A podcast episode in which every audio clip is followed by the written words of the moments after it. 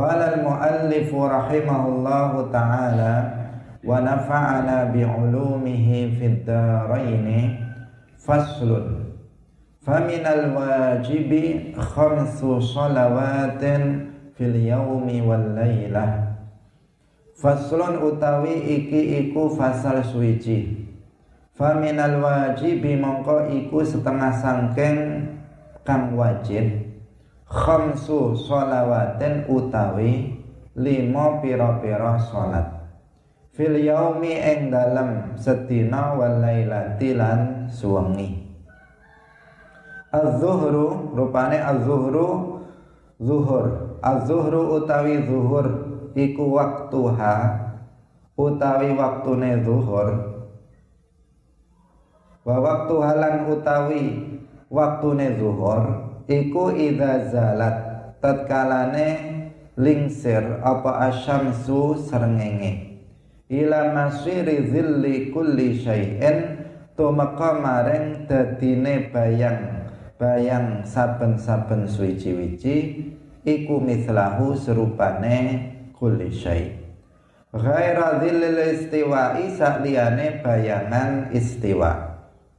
Wal asrulan asar wa waktu halan utawi waktune asar iku mim ba'di zuhri sangking sa'use waktu zuhur. Ila maghribi syamsi tumeka maring surupe srengenge wal maghribu lan maghrib. Wa waktu halan utawi waktune maghrib iku mim ba'di maghribi syamsi sangking sa'use surupe srengenge ila maghribi syafaqil ahmar tumeka maring surupe meka abang. Wal isya ulan isya wa waktu halan utai waktune isya iku min ba'di waktil maghribi tumeka sangking sause waktu maghrib ila tulu'il fajri shadiq tumeka maring uh, muncule metune fajar shadiq wa subuhulan salat subuh. Wa waktu halan utai waktune subuh iku min ba'di waqtil isya'i saking sause waktu isya. Ila tulu'i syamsi tumeka maring meledake utawa muncule srengenge. Hadirin rahimakumullah. Pada bagian awal dari kitab At-Taharatu was-Shalah Mu'alif menjelaskan bahwa Salat yang wajib dilakukan oleh setiap muslim itu ada lima kali sholat dalam sehari semalam. Jadi sholat yang wajib itu ada lima. Artinya selain yang lima ini itu hukumnya tidak wajib. Berarti sholat rawatib tidak wajib. Sholat tahajud itu tidak wajib. Sholat duha itu tidak wajib. Sholat witir itu tidak wajib. Yang wajib itu hanya lima. Yaitu sholat zuhur, sholat asar, sholat maghrib, sholat isya, dan sholat subuh. Lima inilah yang wajib dilakukan dikerjakan oleh setiap muslim. Adapun selain yang lima ini seperti sholat tahajud, seperti sholat witir, seperti sholat duha, sholat rawatib, maka hukumnya adalah sunnah. Nah, sunnah artinya apabila kita melaksanakannya, maka kita akan mendapatkan pahala Ah, pahala yang sangat besar. Tetapi apabila kita tidak mengerjakannya, maka kita tidak berdosa. Nah, berbeda dengan yang wajib. Nah, sholat zuhur, asar, maghrib, isya, subuh itu wajib hukumnya. Artinya apabila seseorang itu meninggalkan salah satu dari lima sholat ini maka dia akan jatuh pada dosa dan dosanya tergolong sebagai dosa besar. Orangnya menjadi orang yang fasik apabila seseorang meninggalkan salah satu atau seluruh sholat lima waktu. Nah, sholat yang lima ini itu di apa namanya sudah ditentukan waktu-waktunya. Dari sholat ini bahkan dinamakan dengan nama waktu pelaksanaannya. Zuhur, sholat zuhur. Kenapa disebut sholat zuhur? Karena dikerjakan pada waktu zuhur. Sholat asar disebut sholat asar karena dilakukan pada waktu asar. Sholat maghrib disebut maghrib karena dilakukan pada waktu maghrib. Begitu seterusnya. Jadi Salat yang lima ini telah ditentukan waktunya oleh Allah Subhanahu wa taala. Di dalam Al-Qur'an surat An-Nisa ayat 103 Allah Subhanahu wa taala berfirman Inna salata kanat 'alal mu'minina kitaban mawquta. Nah, sesungguhnya salat itu diwajibkan atas orang-orang mukmin dengan kewajiban yang telah ditentukan waktunya. Jadi waktunya sudah ditentukan. Sholat ini wajib dan wajibnya itu telah ditentukan waktunya. Sehingga tidak bisa seseorang melaksanakannya uh, tanpa mengetahui waktunya. Tidak bisa seseorang melaksanakannya di luar waktunya. Nah, karena sudah tertentu waktunya. Nah, dalam hadis yang lain Rasulullah Shallallahu Alaihi Wasallam bersabda, "Khamsu salawatin katabahunallahu alal ibadi." Lima solat yang diwajibkan oleh Allah kepada manusia. Nah, jadi ini penegasan dari Nabi bahwa solat yang wajib dikerjakan oleh setiap muslim itu adalah lima. Khamsu salawatin katabahunallahu alal ibad. Ada lima salat yang diwajibkan oleh Allah kepada manusia. Man ata bihinna bitamamihinna kana lahu indallahi ahdun ayyudkhilahul jannah. Nah, barang siapa yang melakukan lima-limanya itu dengan sempurna, maka Allah berjanji kepadanya untuk memasukkannya ke dalam surga. Jadi kalau Allah sudah menjanjikan kepadanya masuk surga, maka artinya dia akan masuk ke dalam surga. Wa man lam ya'ti bihinna falaysa lahu 'indallahi ahdun insya'a azabahu wa jannah. Sedangkan orang yang tidak melaksanakan sholat lima waktu dengan sempurna, maka Allah tidak berjanji untuk memasukkannya ke dalam surga. Jika Allah berkehendak, maka Allah akan mengazab dia. Dan jika Allah berkehendak untuk mengampuni dosa-dosanya, kemudian memasukkannya ke dalam surga, maka dia akan dimasukkan ke dalam surga. Karena seorang mukmin dia akan masuk ke dalam surga. Hadirin rahmati Allah Subhanahu wa taala. Jadi ditegaskan oleh ayat serta hadis yang baru saja dibaca bahwa Sholat wajib dilaksanakan oleh setiap muslim itu adalah lima kali sholat. Dan itu telah ditentukan waktunya berdasarkan ayat yang tadi kita baca Quran Surat An-Nisa 103 nah, Ayat yang lain juga menjelaskan.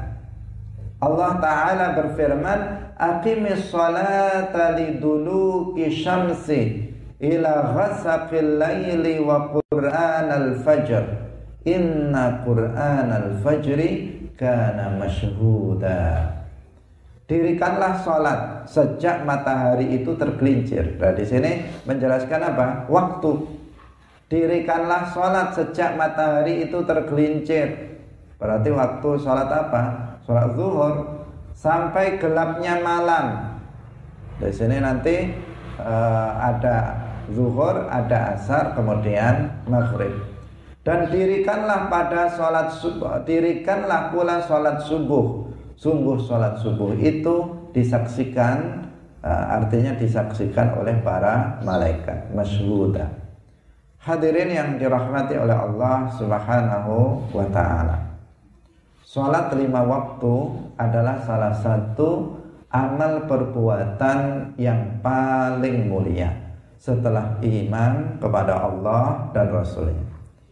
Iman kepada Allah dan Rasulnya seperti yang sering kita jelaskan adalah amal perbuatan yang paling mulia secara mutlak Gak ada yang lebih mulia dari iman kepada Allah dan Rasulnya. Karena iman kepada Allah dan Rasulnya adalah kunci surga. Seseorang yang mati dalam keadaan beriman akan masuk ke dalam surga. Sebanyak apa pun dosa yang dikerjakannya, dia tetap akan masuk surga. Mangkana akhiru kalamihi la ilaha illallah dakhalal jannah Barang siapa yang akhir perkataannya itu adalah la ilaha illallah maka dia akan masuk surga. Artinya kalau dia mati dalam keadaan meyakini la ilaha illallah Muhammadur Rasulullah dalam keadaan beriman kepada Allah dengan iman yang benar maka dia akan masuk ke dalam surga. Orang yang mati dalam keadaan beriman maka dia tidak akan abadi di dalam neraka seandainya dia diazab karena dosa-dosanya. Seandainya seorang yang beriman mati dalam keadaan memiliki dosa yang sangat banyak, dosa besar, belum bertaubat, dia mati belum bertaubat. Dan Allah tidak mengampuni dosa-dosanya tersebut maka dia akan masuk ke dalam neraka. Tetapi dia tidak akan abadi di dalam neraka. Karena apa? Dia beriman. Nah, inilah pentingnya iman. Sebanyak apa pun dosanya, dia tidak akan abadi di dalam neraka seandainya Allah tidak mengampuni dosanya. Yakhruju dalam hadis disebutkan yakhruju minan nari qala la ilaha illallah wa fi qalbihi waznu dzarratin min iman. Yakhruju minan nar akan keluar dari neraka. Orang yang mengatakan la ilaha illallah ay wa Muhammadur Rasulullah orang yang mengatakan itu artinya dia meyakini. Itu meyakini dua kalimat syahadat dan dalam hatinya terdapat sebiji sawi dari keimanan. Kecil sekali keimanannya, sangat kecil, sangat sedikit. Itu dikatakan oleh Rasulullah akan keluar dari neraka dan masuk ke dalam surga. Kenapa? Ada iman di dalam hatinya. Karena itu iman adalah segala-galanya. Akidah sahihah, akidah yang benar berdasarkan akidah ahlus sunnati wal jamaah adalah segala-galanya bagi manusia. Karena itulah kebahagiaan dan keselamatan manusia nanti di akhirat.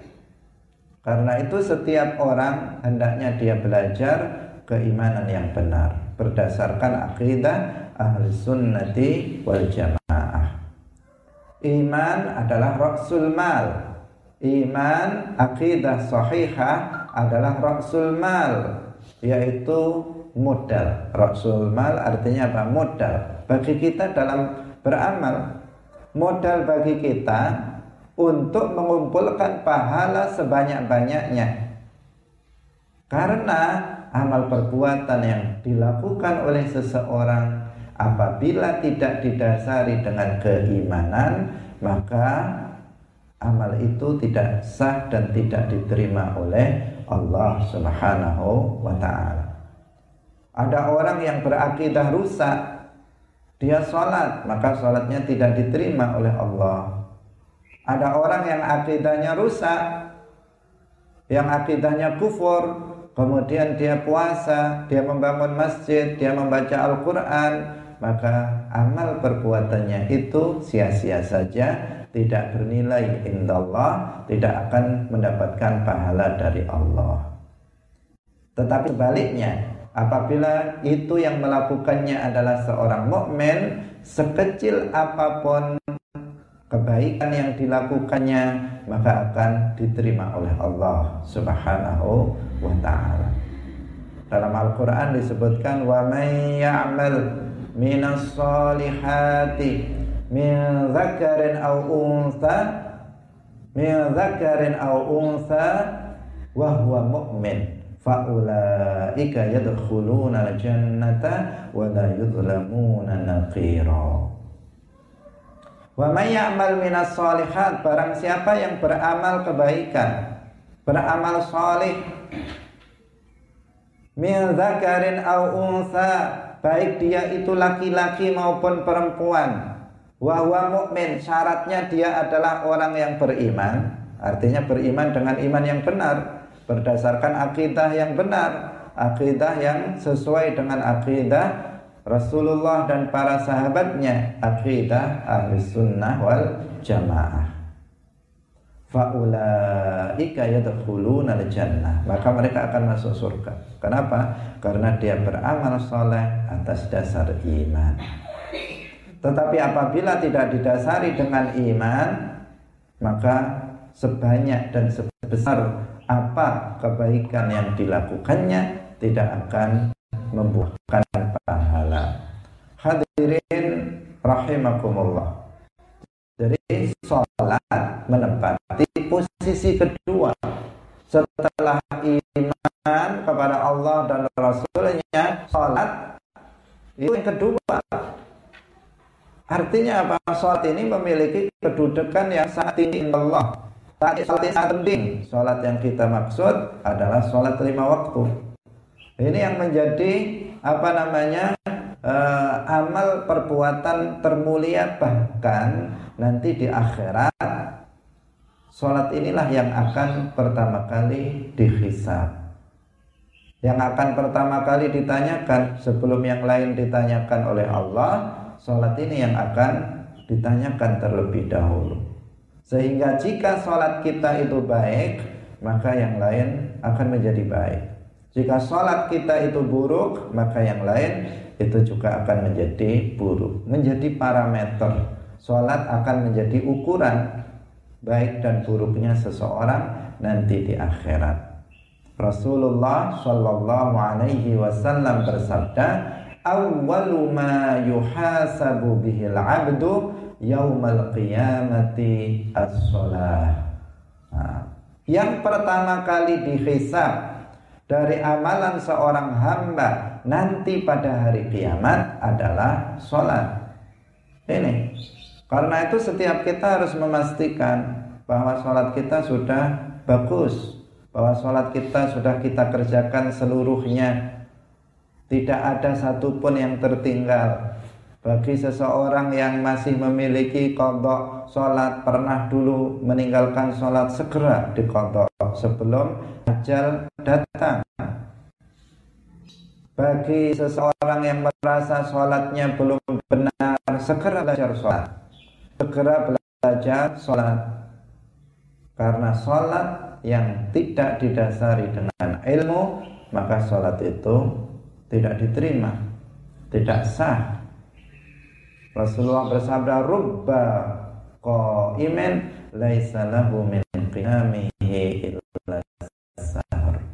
Betapa banyak orang yang sholat tetapi dia tidak mendapatkan apa-apa dari sholat yang dikerjakannya kecuali hanya tidak tidur saja tidak tidur malam ini untuk konteksnya sholat malam. Kemudian Pemirsa Madu TV yang dirahmati oleh Allah Subhanahu wa taala. Nah, karena itu jangan sekali-kali kita meninggalkan sholat lima waktu ini. Karena dia adalah amal perbuatan yang termulia setelah iman kepada Allah dan Rasulnya. Kita lanjutkan kembali. az-zuhru. Selanjutnya mu'alif menjelaskan tentang lima sholat yang wajib yang tadi kita telah jelaskan. Apa lima sholat yang wajib itu dan kapan wajib dikerjakan? Nah, di sini mu'alif akan menjelaskannya. Az-zuhru wa waqtuha idza zalati syamsu ila masiri dhilli kulli syai'in mithlahu ghaira dhillil istiwa. Ini penting ya. Karena salah satu syarat dari sholat kita harus mengetahui masuknya waktu. Tidak boleh seseorang sholat ngawur yang penting sholat. Belum tahu dia ini apakah sudah subuh atau belum mas pokoknya sholat. Nggak cukup. Harus dia memastikan bahwa waktunya telah masuk.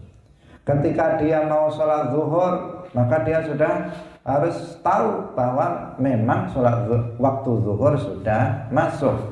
Tidak cukup sekedar sholat, tetapi dia juga harus tahu bahwa waktu zuhur sudah masuk. Begitu juga ketika asar, ketika maghrib, ketika isya. Seseorang harus terlebih terlebih dahulu sebelum dia mengerjakan sholat terlebih dahulu harus memastikan bahwa waktunya memang betul-betul telah masuk. Kenapa? Karena memang sholat ini berkaitan dengan waktu.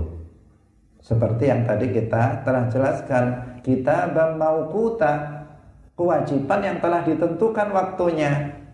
Sehingga nggak bisa seseorang uh, apa mengerjakannya tanpa mengetahui masuknya waktu waktu sholat tersebut.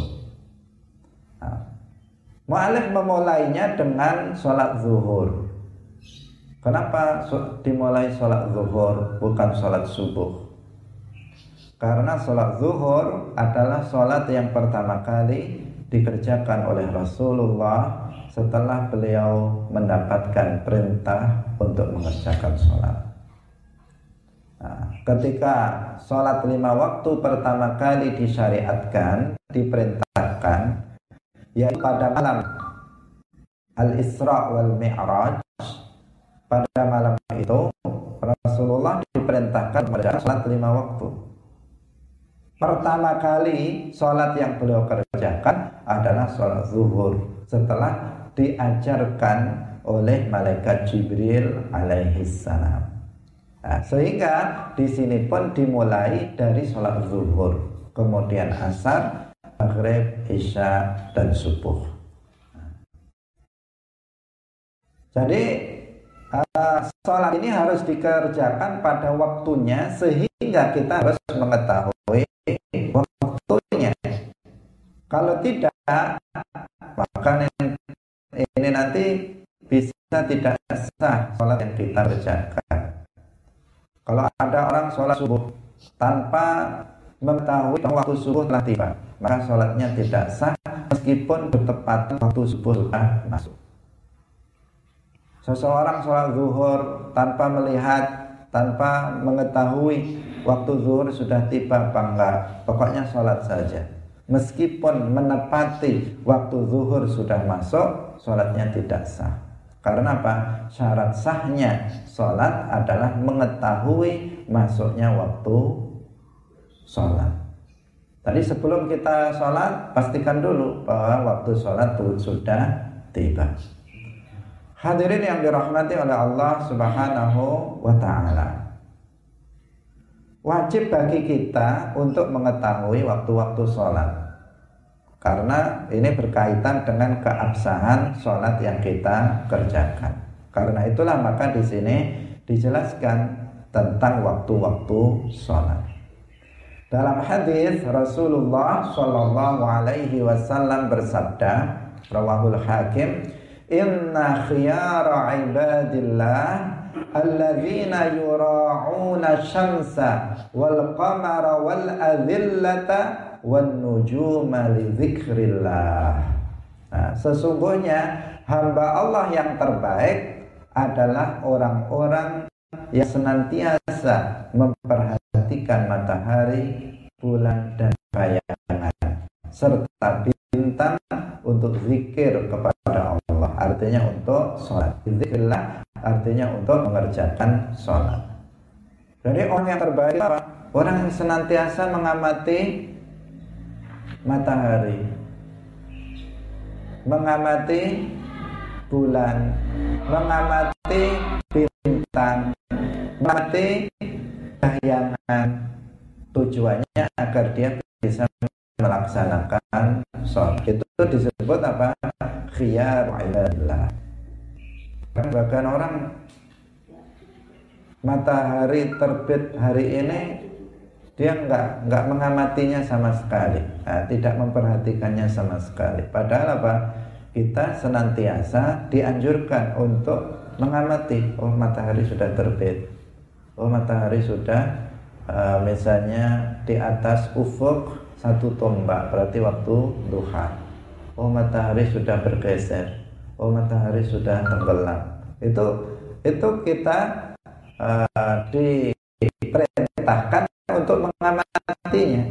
Demikian juga mengamati bintang, mengamati bulan, mengamati bayangan-bayangan benda agar kita bisa melaksanakan sholat sesuai dengan ketentuannya yaitu mengetahui waktunya. Hadirin rahimakumullah. Yang pertama adalah sholat zuhur. Kapan dimulainya sholat zuhur dan kapan habis waktunya? Mu'alif mengatakan idza zalati syamsu ila masiri dhul dhilli kulli syai'in mithlahu ghaira dhillil istiwa. Dimulai idza zalati syams yaitu dari bergesernya matahari. Jadi dimulai dari bergesernya matahari ke arah barat. Jadi kalau matahari terbit dari timur, kemudian dia bergerak menuju ke tengah. Ketika sudah matahari bergeser ke arah barat, maka itulah berarti sholat zuhur sudah tiba. Itu mulainya. Kalau matahari masih di tengah-tengah, belum zuhur, apalagi matahari masih berada di sebelah timur, maka waktu zuhur belum tiba. Itu ukurannya, bukan jam. Karena jam itu ber, bisa bergeser-geser. Seperti hari ini, sholat subuh jam 4 lebih sedikit. Kalau beberapa bulan yang lalu pengajian kita itu begitu kita sholat subuh selesai sudah harus mulai pengajian. Sekarang kita masih nunggu lama, sholat subuh sudah selesai, masih nunggu lama sampai sebagian ketiduran karena menunggu. Nah, waktunya masih panjang. Nah, karena sekarang nah, dari sisi jam itu bergeser, maju. Tetapi apakah mataharinya itu memang uh, apa namanya buru-buru keluar atau fajarnya itu buru-buru keluar enggak sebenarnya tetap kalau peredaran matahari uh, peredaran mataharinya tetap tapi jamnya ini yang tidak tetap nah, karena itu ukurannya bukan jam tidak dikatakan bahwa sholat zuhur waktunya jam 12 bukan begitu bisa bisa jam setengah 12, bisa jam 12, bisa kurang seperempat dan seterusnya. Itu hanya perkiraan. Jam itu hanya perkiraan. Nah, tetapi waktu zuhur itu adalah ketika matahari telah bergeser ke arah barat. Itu namanya berarti mulai waktu zuhur sampai. Nah, di sini ada kesalahan tulis bisa dirubah di situ dari lagi. Jadi dari bergesernya matahari sampai bukan dari silakan dicoba diganti sampai sampai suatu benda sama dengan ukuran benda tersebut ditambah bayangan istiwa. Habisnya waktu zuhur itu ketika bayangan suatu benda itu ukurannya sama dengan benda itu ditambah bayangan istiwa. Jadi kalau ada kita melihat misalnya seseorang berdiri di depan di tengah hari atau sudah bergeser tadi ya, kita lihat dia tingginya satu meter. Kok bayangannya sudah satu meter lebih, maka berarti waktu zuhur sudah habis. Berganti sholat waktu asar. Nah, bayangan suatu benda sama dengan ukuran benda itu ditambah bayangan istiwa. Bayangan istiwa itu apa? Bayangan istiwa adalah bayangan suatu benda ketika matahari berada di tengah langit. Jadi ketika matahari masih di tengah, itu ada bayangan yang sangat pendek. Ada bayangan yang sangat pendek. Bayangan terpendek. Jadi kan ketika matahari di timur, bayangan di barat. Ketika matahari di barat, bayangan itu di timur. Ketika matahari di tengah langit, maka di situ muncul bayangan yang sangat pendek. Itu namanya zilul istiwa, bayangan istiwa. Nah, waktu zuhur itu habis ketika panjang suatu bayangan itu sama dengan benda itu ditambah bayangan istiwa. Jadi nggak pas sama, tetapi ditambah sedikit dari bayangan istiwa. Jadi kata hari misalnya uh, di tengah langit berapa bayangan panjang bayangannya? benda satu meter itu misalnya uh, apa namanya 5 cm 5 cm misalnya maka berarti waktu zuhur itu habisnya ketika bayangan benda tersebut ukurannya 1 meter ditambah 5 cm itu berarti habis waktu zuhur masuk waktu asar Hadirin rahimahumullah. Jadi uh, harus dipastikan itu, harus dipastikan. Kalau seseorang itu malas uh, untuk memastikan seperti itu, dia tidak tergolong sebagai khiyaru ibadillah. Kalau malas maka ya agak akhir aja. Uh, sholatnya agak akhir. Biar pasti. Ini mesti asar ini. Jam 4 ini mesti asar. Karena jam 3 sudah asar. Kalau dia sholatnya jam 4 nah ini sudah pasti asar Hadirin yang dirahmati oleh Allah Subhanahu wa taala. Nah, bukan berarti kita menganjurkan untuk sholat di akhir waktu, tetapi kita menganjurkan untuk sholat setelah masuk waktu untuk memastikan bahwa waktu sholat sudah tiba. Karena sebagian orang dia tidak mau apa namanya muraqabah, dia tidak mau melihat pergerakan matahari untuk mengetahui waktu sholat, tetapi semangat untuk sholat di awal waktu ini yang bahaya. Kalau kita semangat sholat di awal waktu, maka itu adalah kebaikan. Itu luar biasa, dia mendapatkan fadilah yang luar biasa. Tapi dia juga harus memperhatikan pergerakan matahari untuk mengetahui oh ini sudah zuhur suatu maka dia akan mendapatkan fadilah dari sholat di awal waktu. Tetapi apabila seseorang semangat tanpa didasari ilmu semangat sholat di awal waktu tetapi dia nggak melihat apakah waktu zuhur sudah masuk atau belum pokoknya sholat. Ternyata belum zuhur maka dia sholatnya nggak sah. Uh, sholatnya nggak sah dan tidak diterima oleh Allah, dia tidak mendapatkan apa-apa dari sholat yang dikerjakannya. Karena itu apa? Harus diimbangi. Kalau kita semangat untuk sholat di awal waktu dan itu adalah waktu fadilah, waktu yang lebih utama untuk dilaksanakan sholat, tetapi kita juga harus melakukan ini, mengamati pergerakan matahari, bayangan untuk memastikan bahwa waktu sholat sudah masuk. Hadirin rahimakumullah pemirsa Madu TV yang berbahagia. Kemudian yang kedua adalah asar. Dilaksanakan pada waktu asar. Yaitu setelah habisnya waktu zuhur sampai matahari seluruh lingkarannya tenggelam. Jadi ketika habis waktu zuhur otomatis masuk waktu asar nggak ada jeda tidak ada jeda nggak ada waktu antara zuhur dan asar nggak ada. Begitu apa namanya matahari bayangan suatu benda sama dengan benda itu ditambah zilil istiwa maka habis waktu zuhur langsung masuk waktu asar. Tidak ada jeda. Nah, sampai kapan? Sampai matahari tenggelam. Apa yang dimaksud matahari tenggelam? Artinya tenggelam seluruhnya seluruh bulatan matahari jadi matahari itu bulat seluruh bulatan matahari telah tenggelam, sudah tidak terlihat lagi. Kalau masih terlihat sedikit, maka itu masih asar, belum maghrib.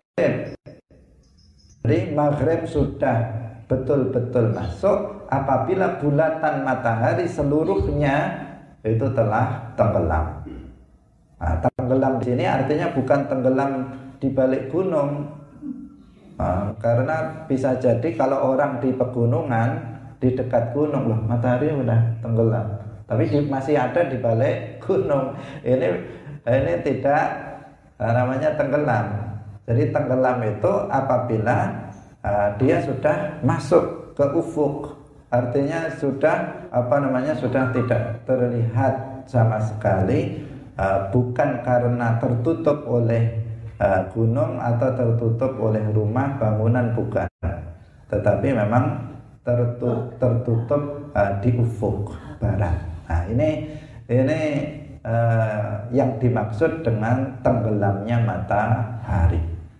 Nah, kalau di daerah yang kita nggak bisa melihat tenggelamnya matahari uh, bulatan matahari ini tidak terlihat di daerah seperti itu maka kita bisa melihatnya dengan uh, dengan cara melihat ke arah timur.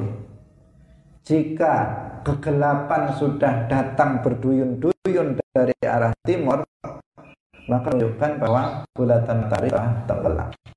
Tetapi jika masih uh, terang, maka menunjukkan bahwa matahari masih berada di atas ufuk. Dia belum tenggelam. Nah, ini Salah satu cara apabila misalnya kita tinggal di daerah yang tidak memungkinkan untuk melihat tenggelamnya matahari. Kalau di pantai kita bisa melihat matahari tenggelam, apakah sudah tenggelam seluruhnya atau tidak. Atau di persawahan misalnya kita bisa melihat apakah matahari betul-betul sudah tenggelam atau belum.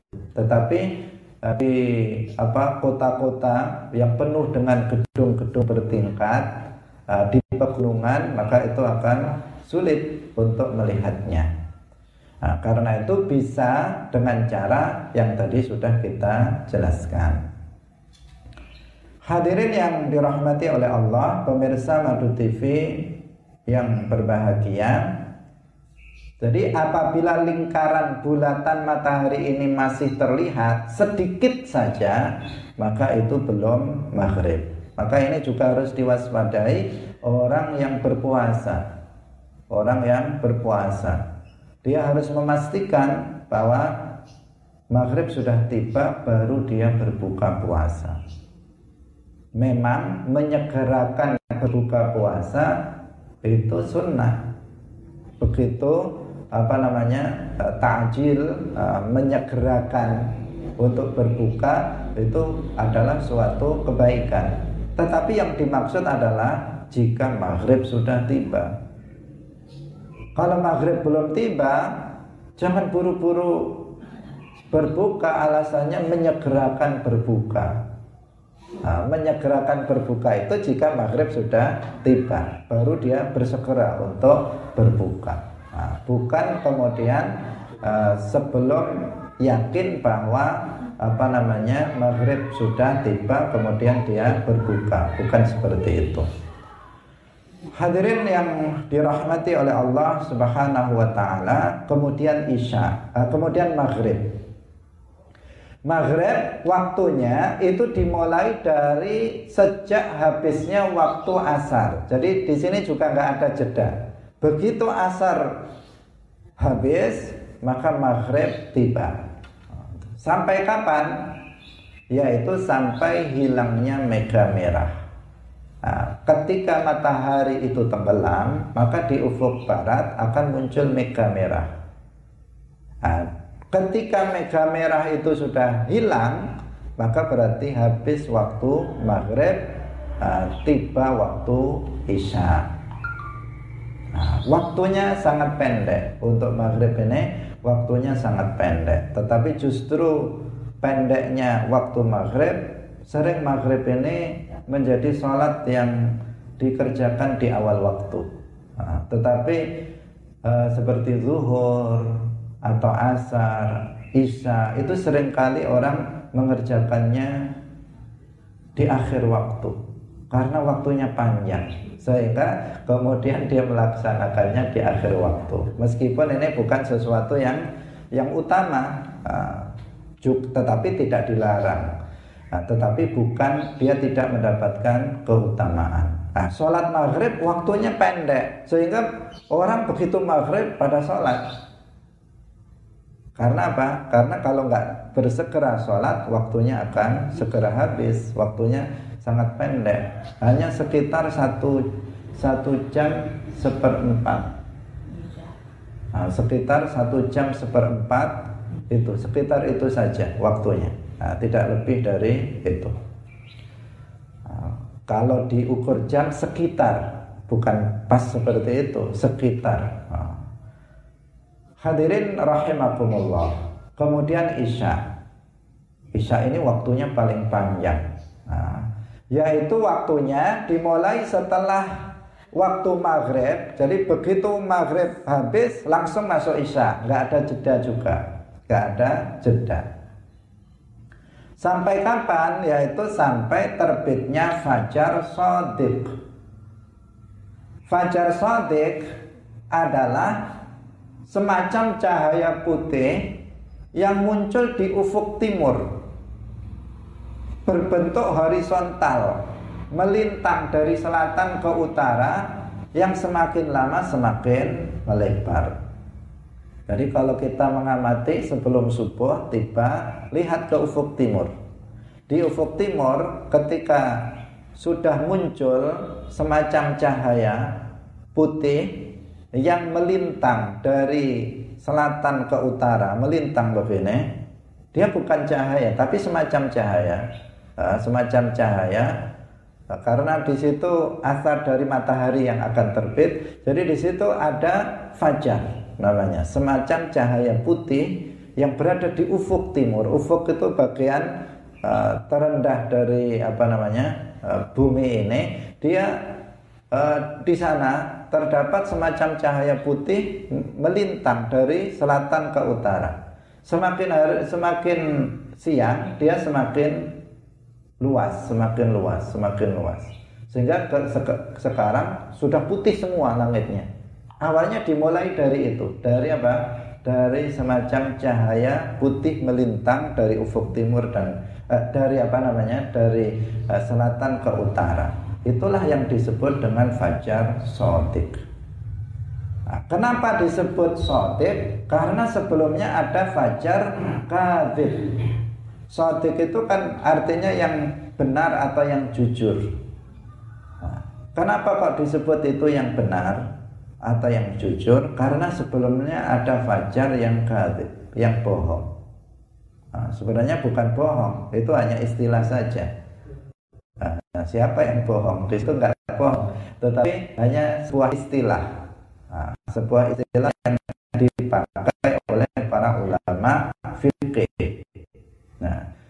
Fajar kadzib itu biasanya muncul sekitar 10 menit sebelumnya, yaitu sebuah cahaya yang dia berbentuk vertikal. Jadi dia di ufuk timur itu apa namanya cahayanya bukan datar begini, tetapi dia meninggi atau apa namanya vertikal bentuknya.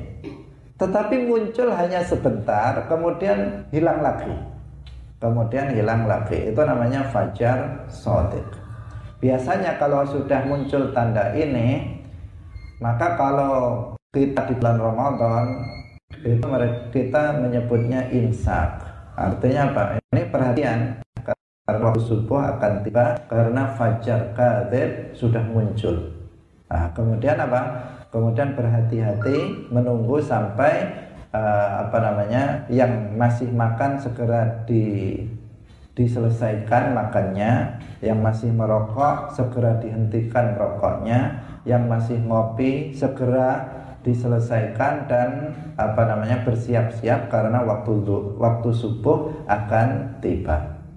Nah, hadirin yang dirahmati oleh Allah, ketika fajar sotik sudah muncul, maka waktu subuh sudah tiba. Kemudian subuh yang terakhir adalah subuh. Waktu subuh dimulai dari habisnya waktu isya. Berarti apa? Tidak ada jeda antara waktu isya dan waktu subuh. Begitu habis waktu isya langsung masuk waktu subuh. Sampai kapan? Yaitu sampai matahari terbit. Sampai matahari terbit. Yang dimaksud matahari terbit bagaimana? Meskipun hanya sedikit jadi meskipun yang keluar itu hanya bagian lingkaran matahari sedikit saja itu sudah terbit.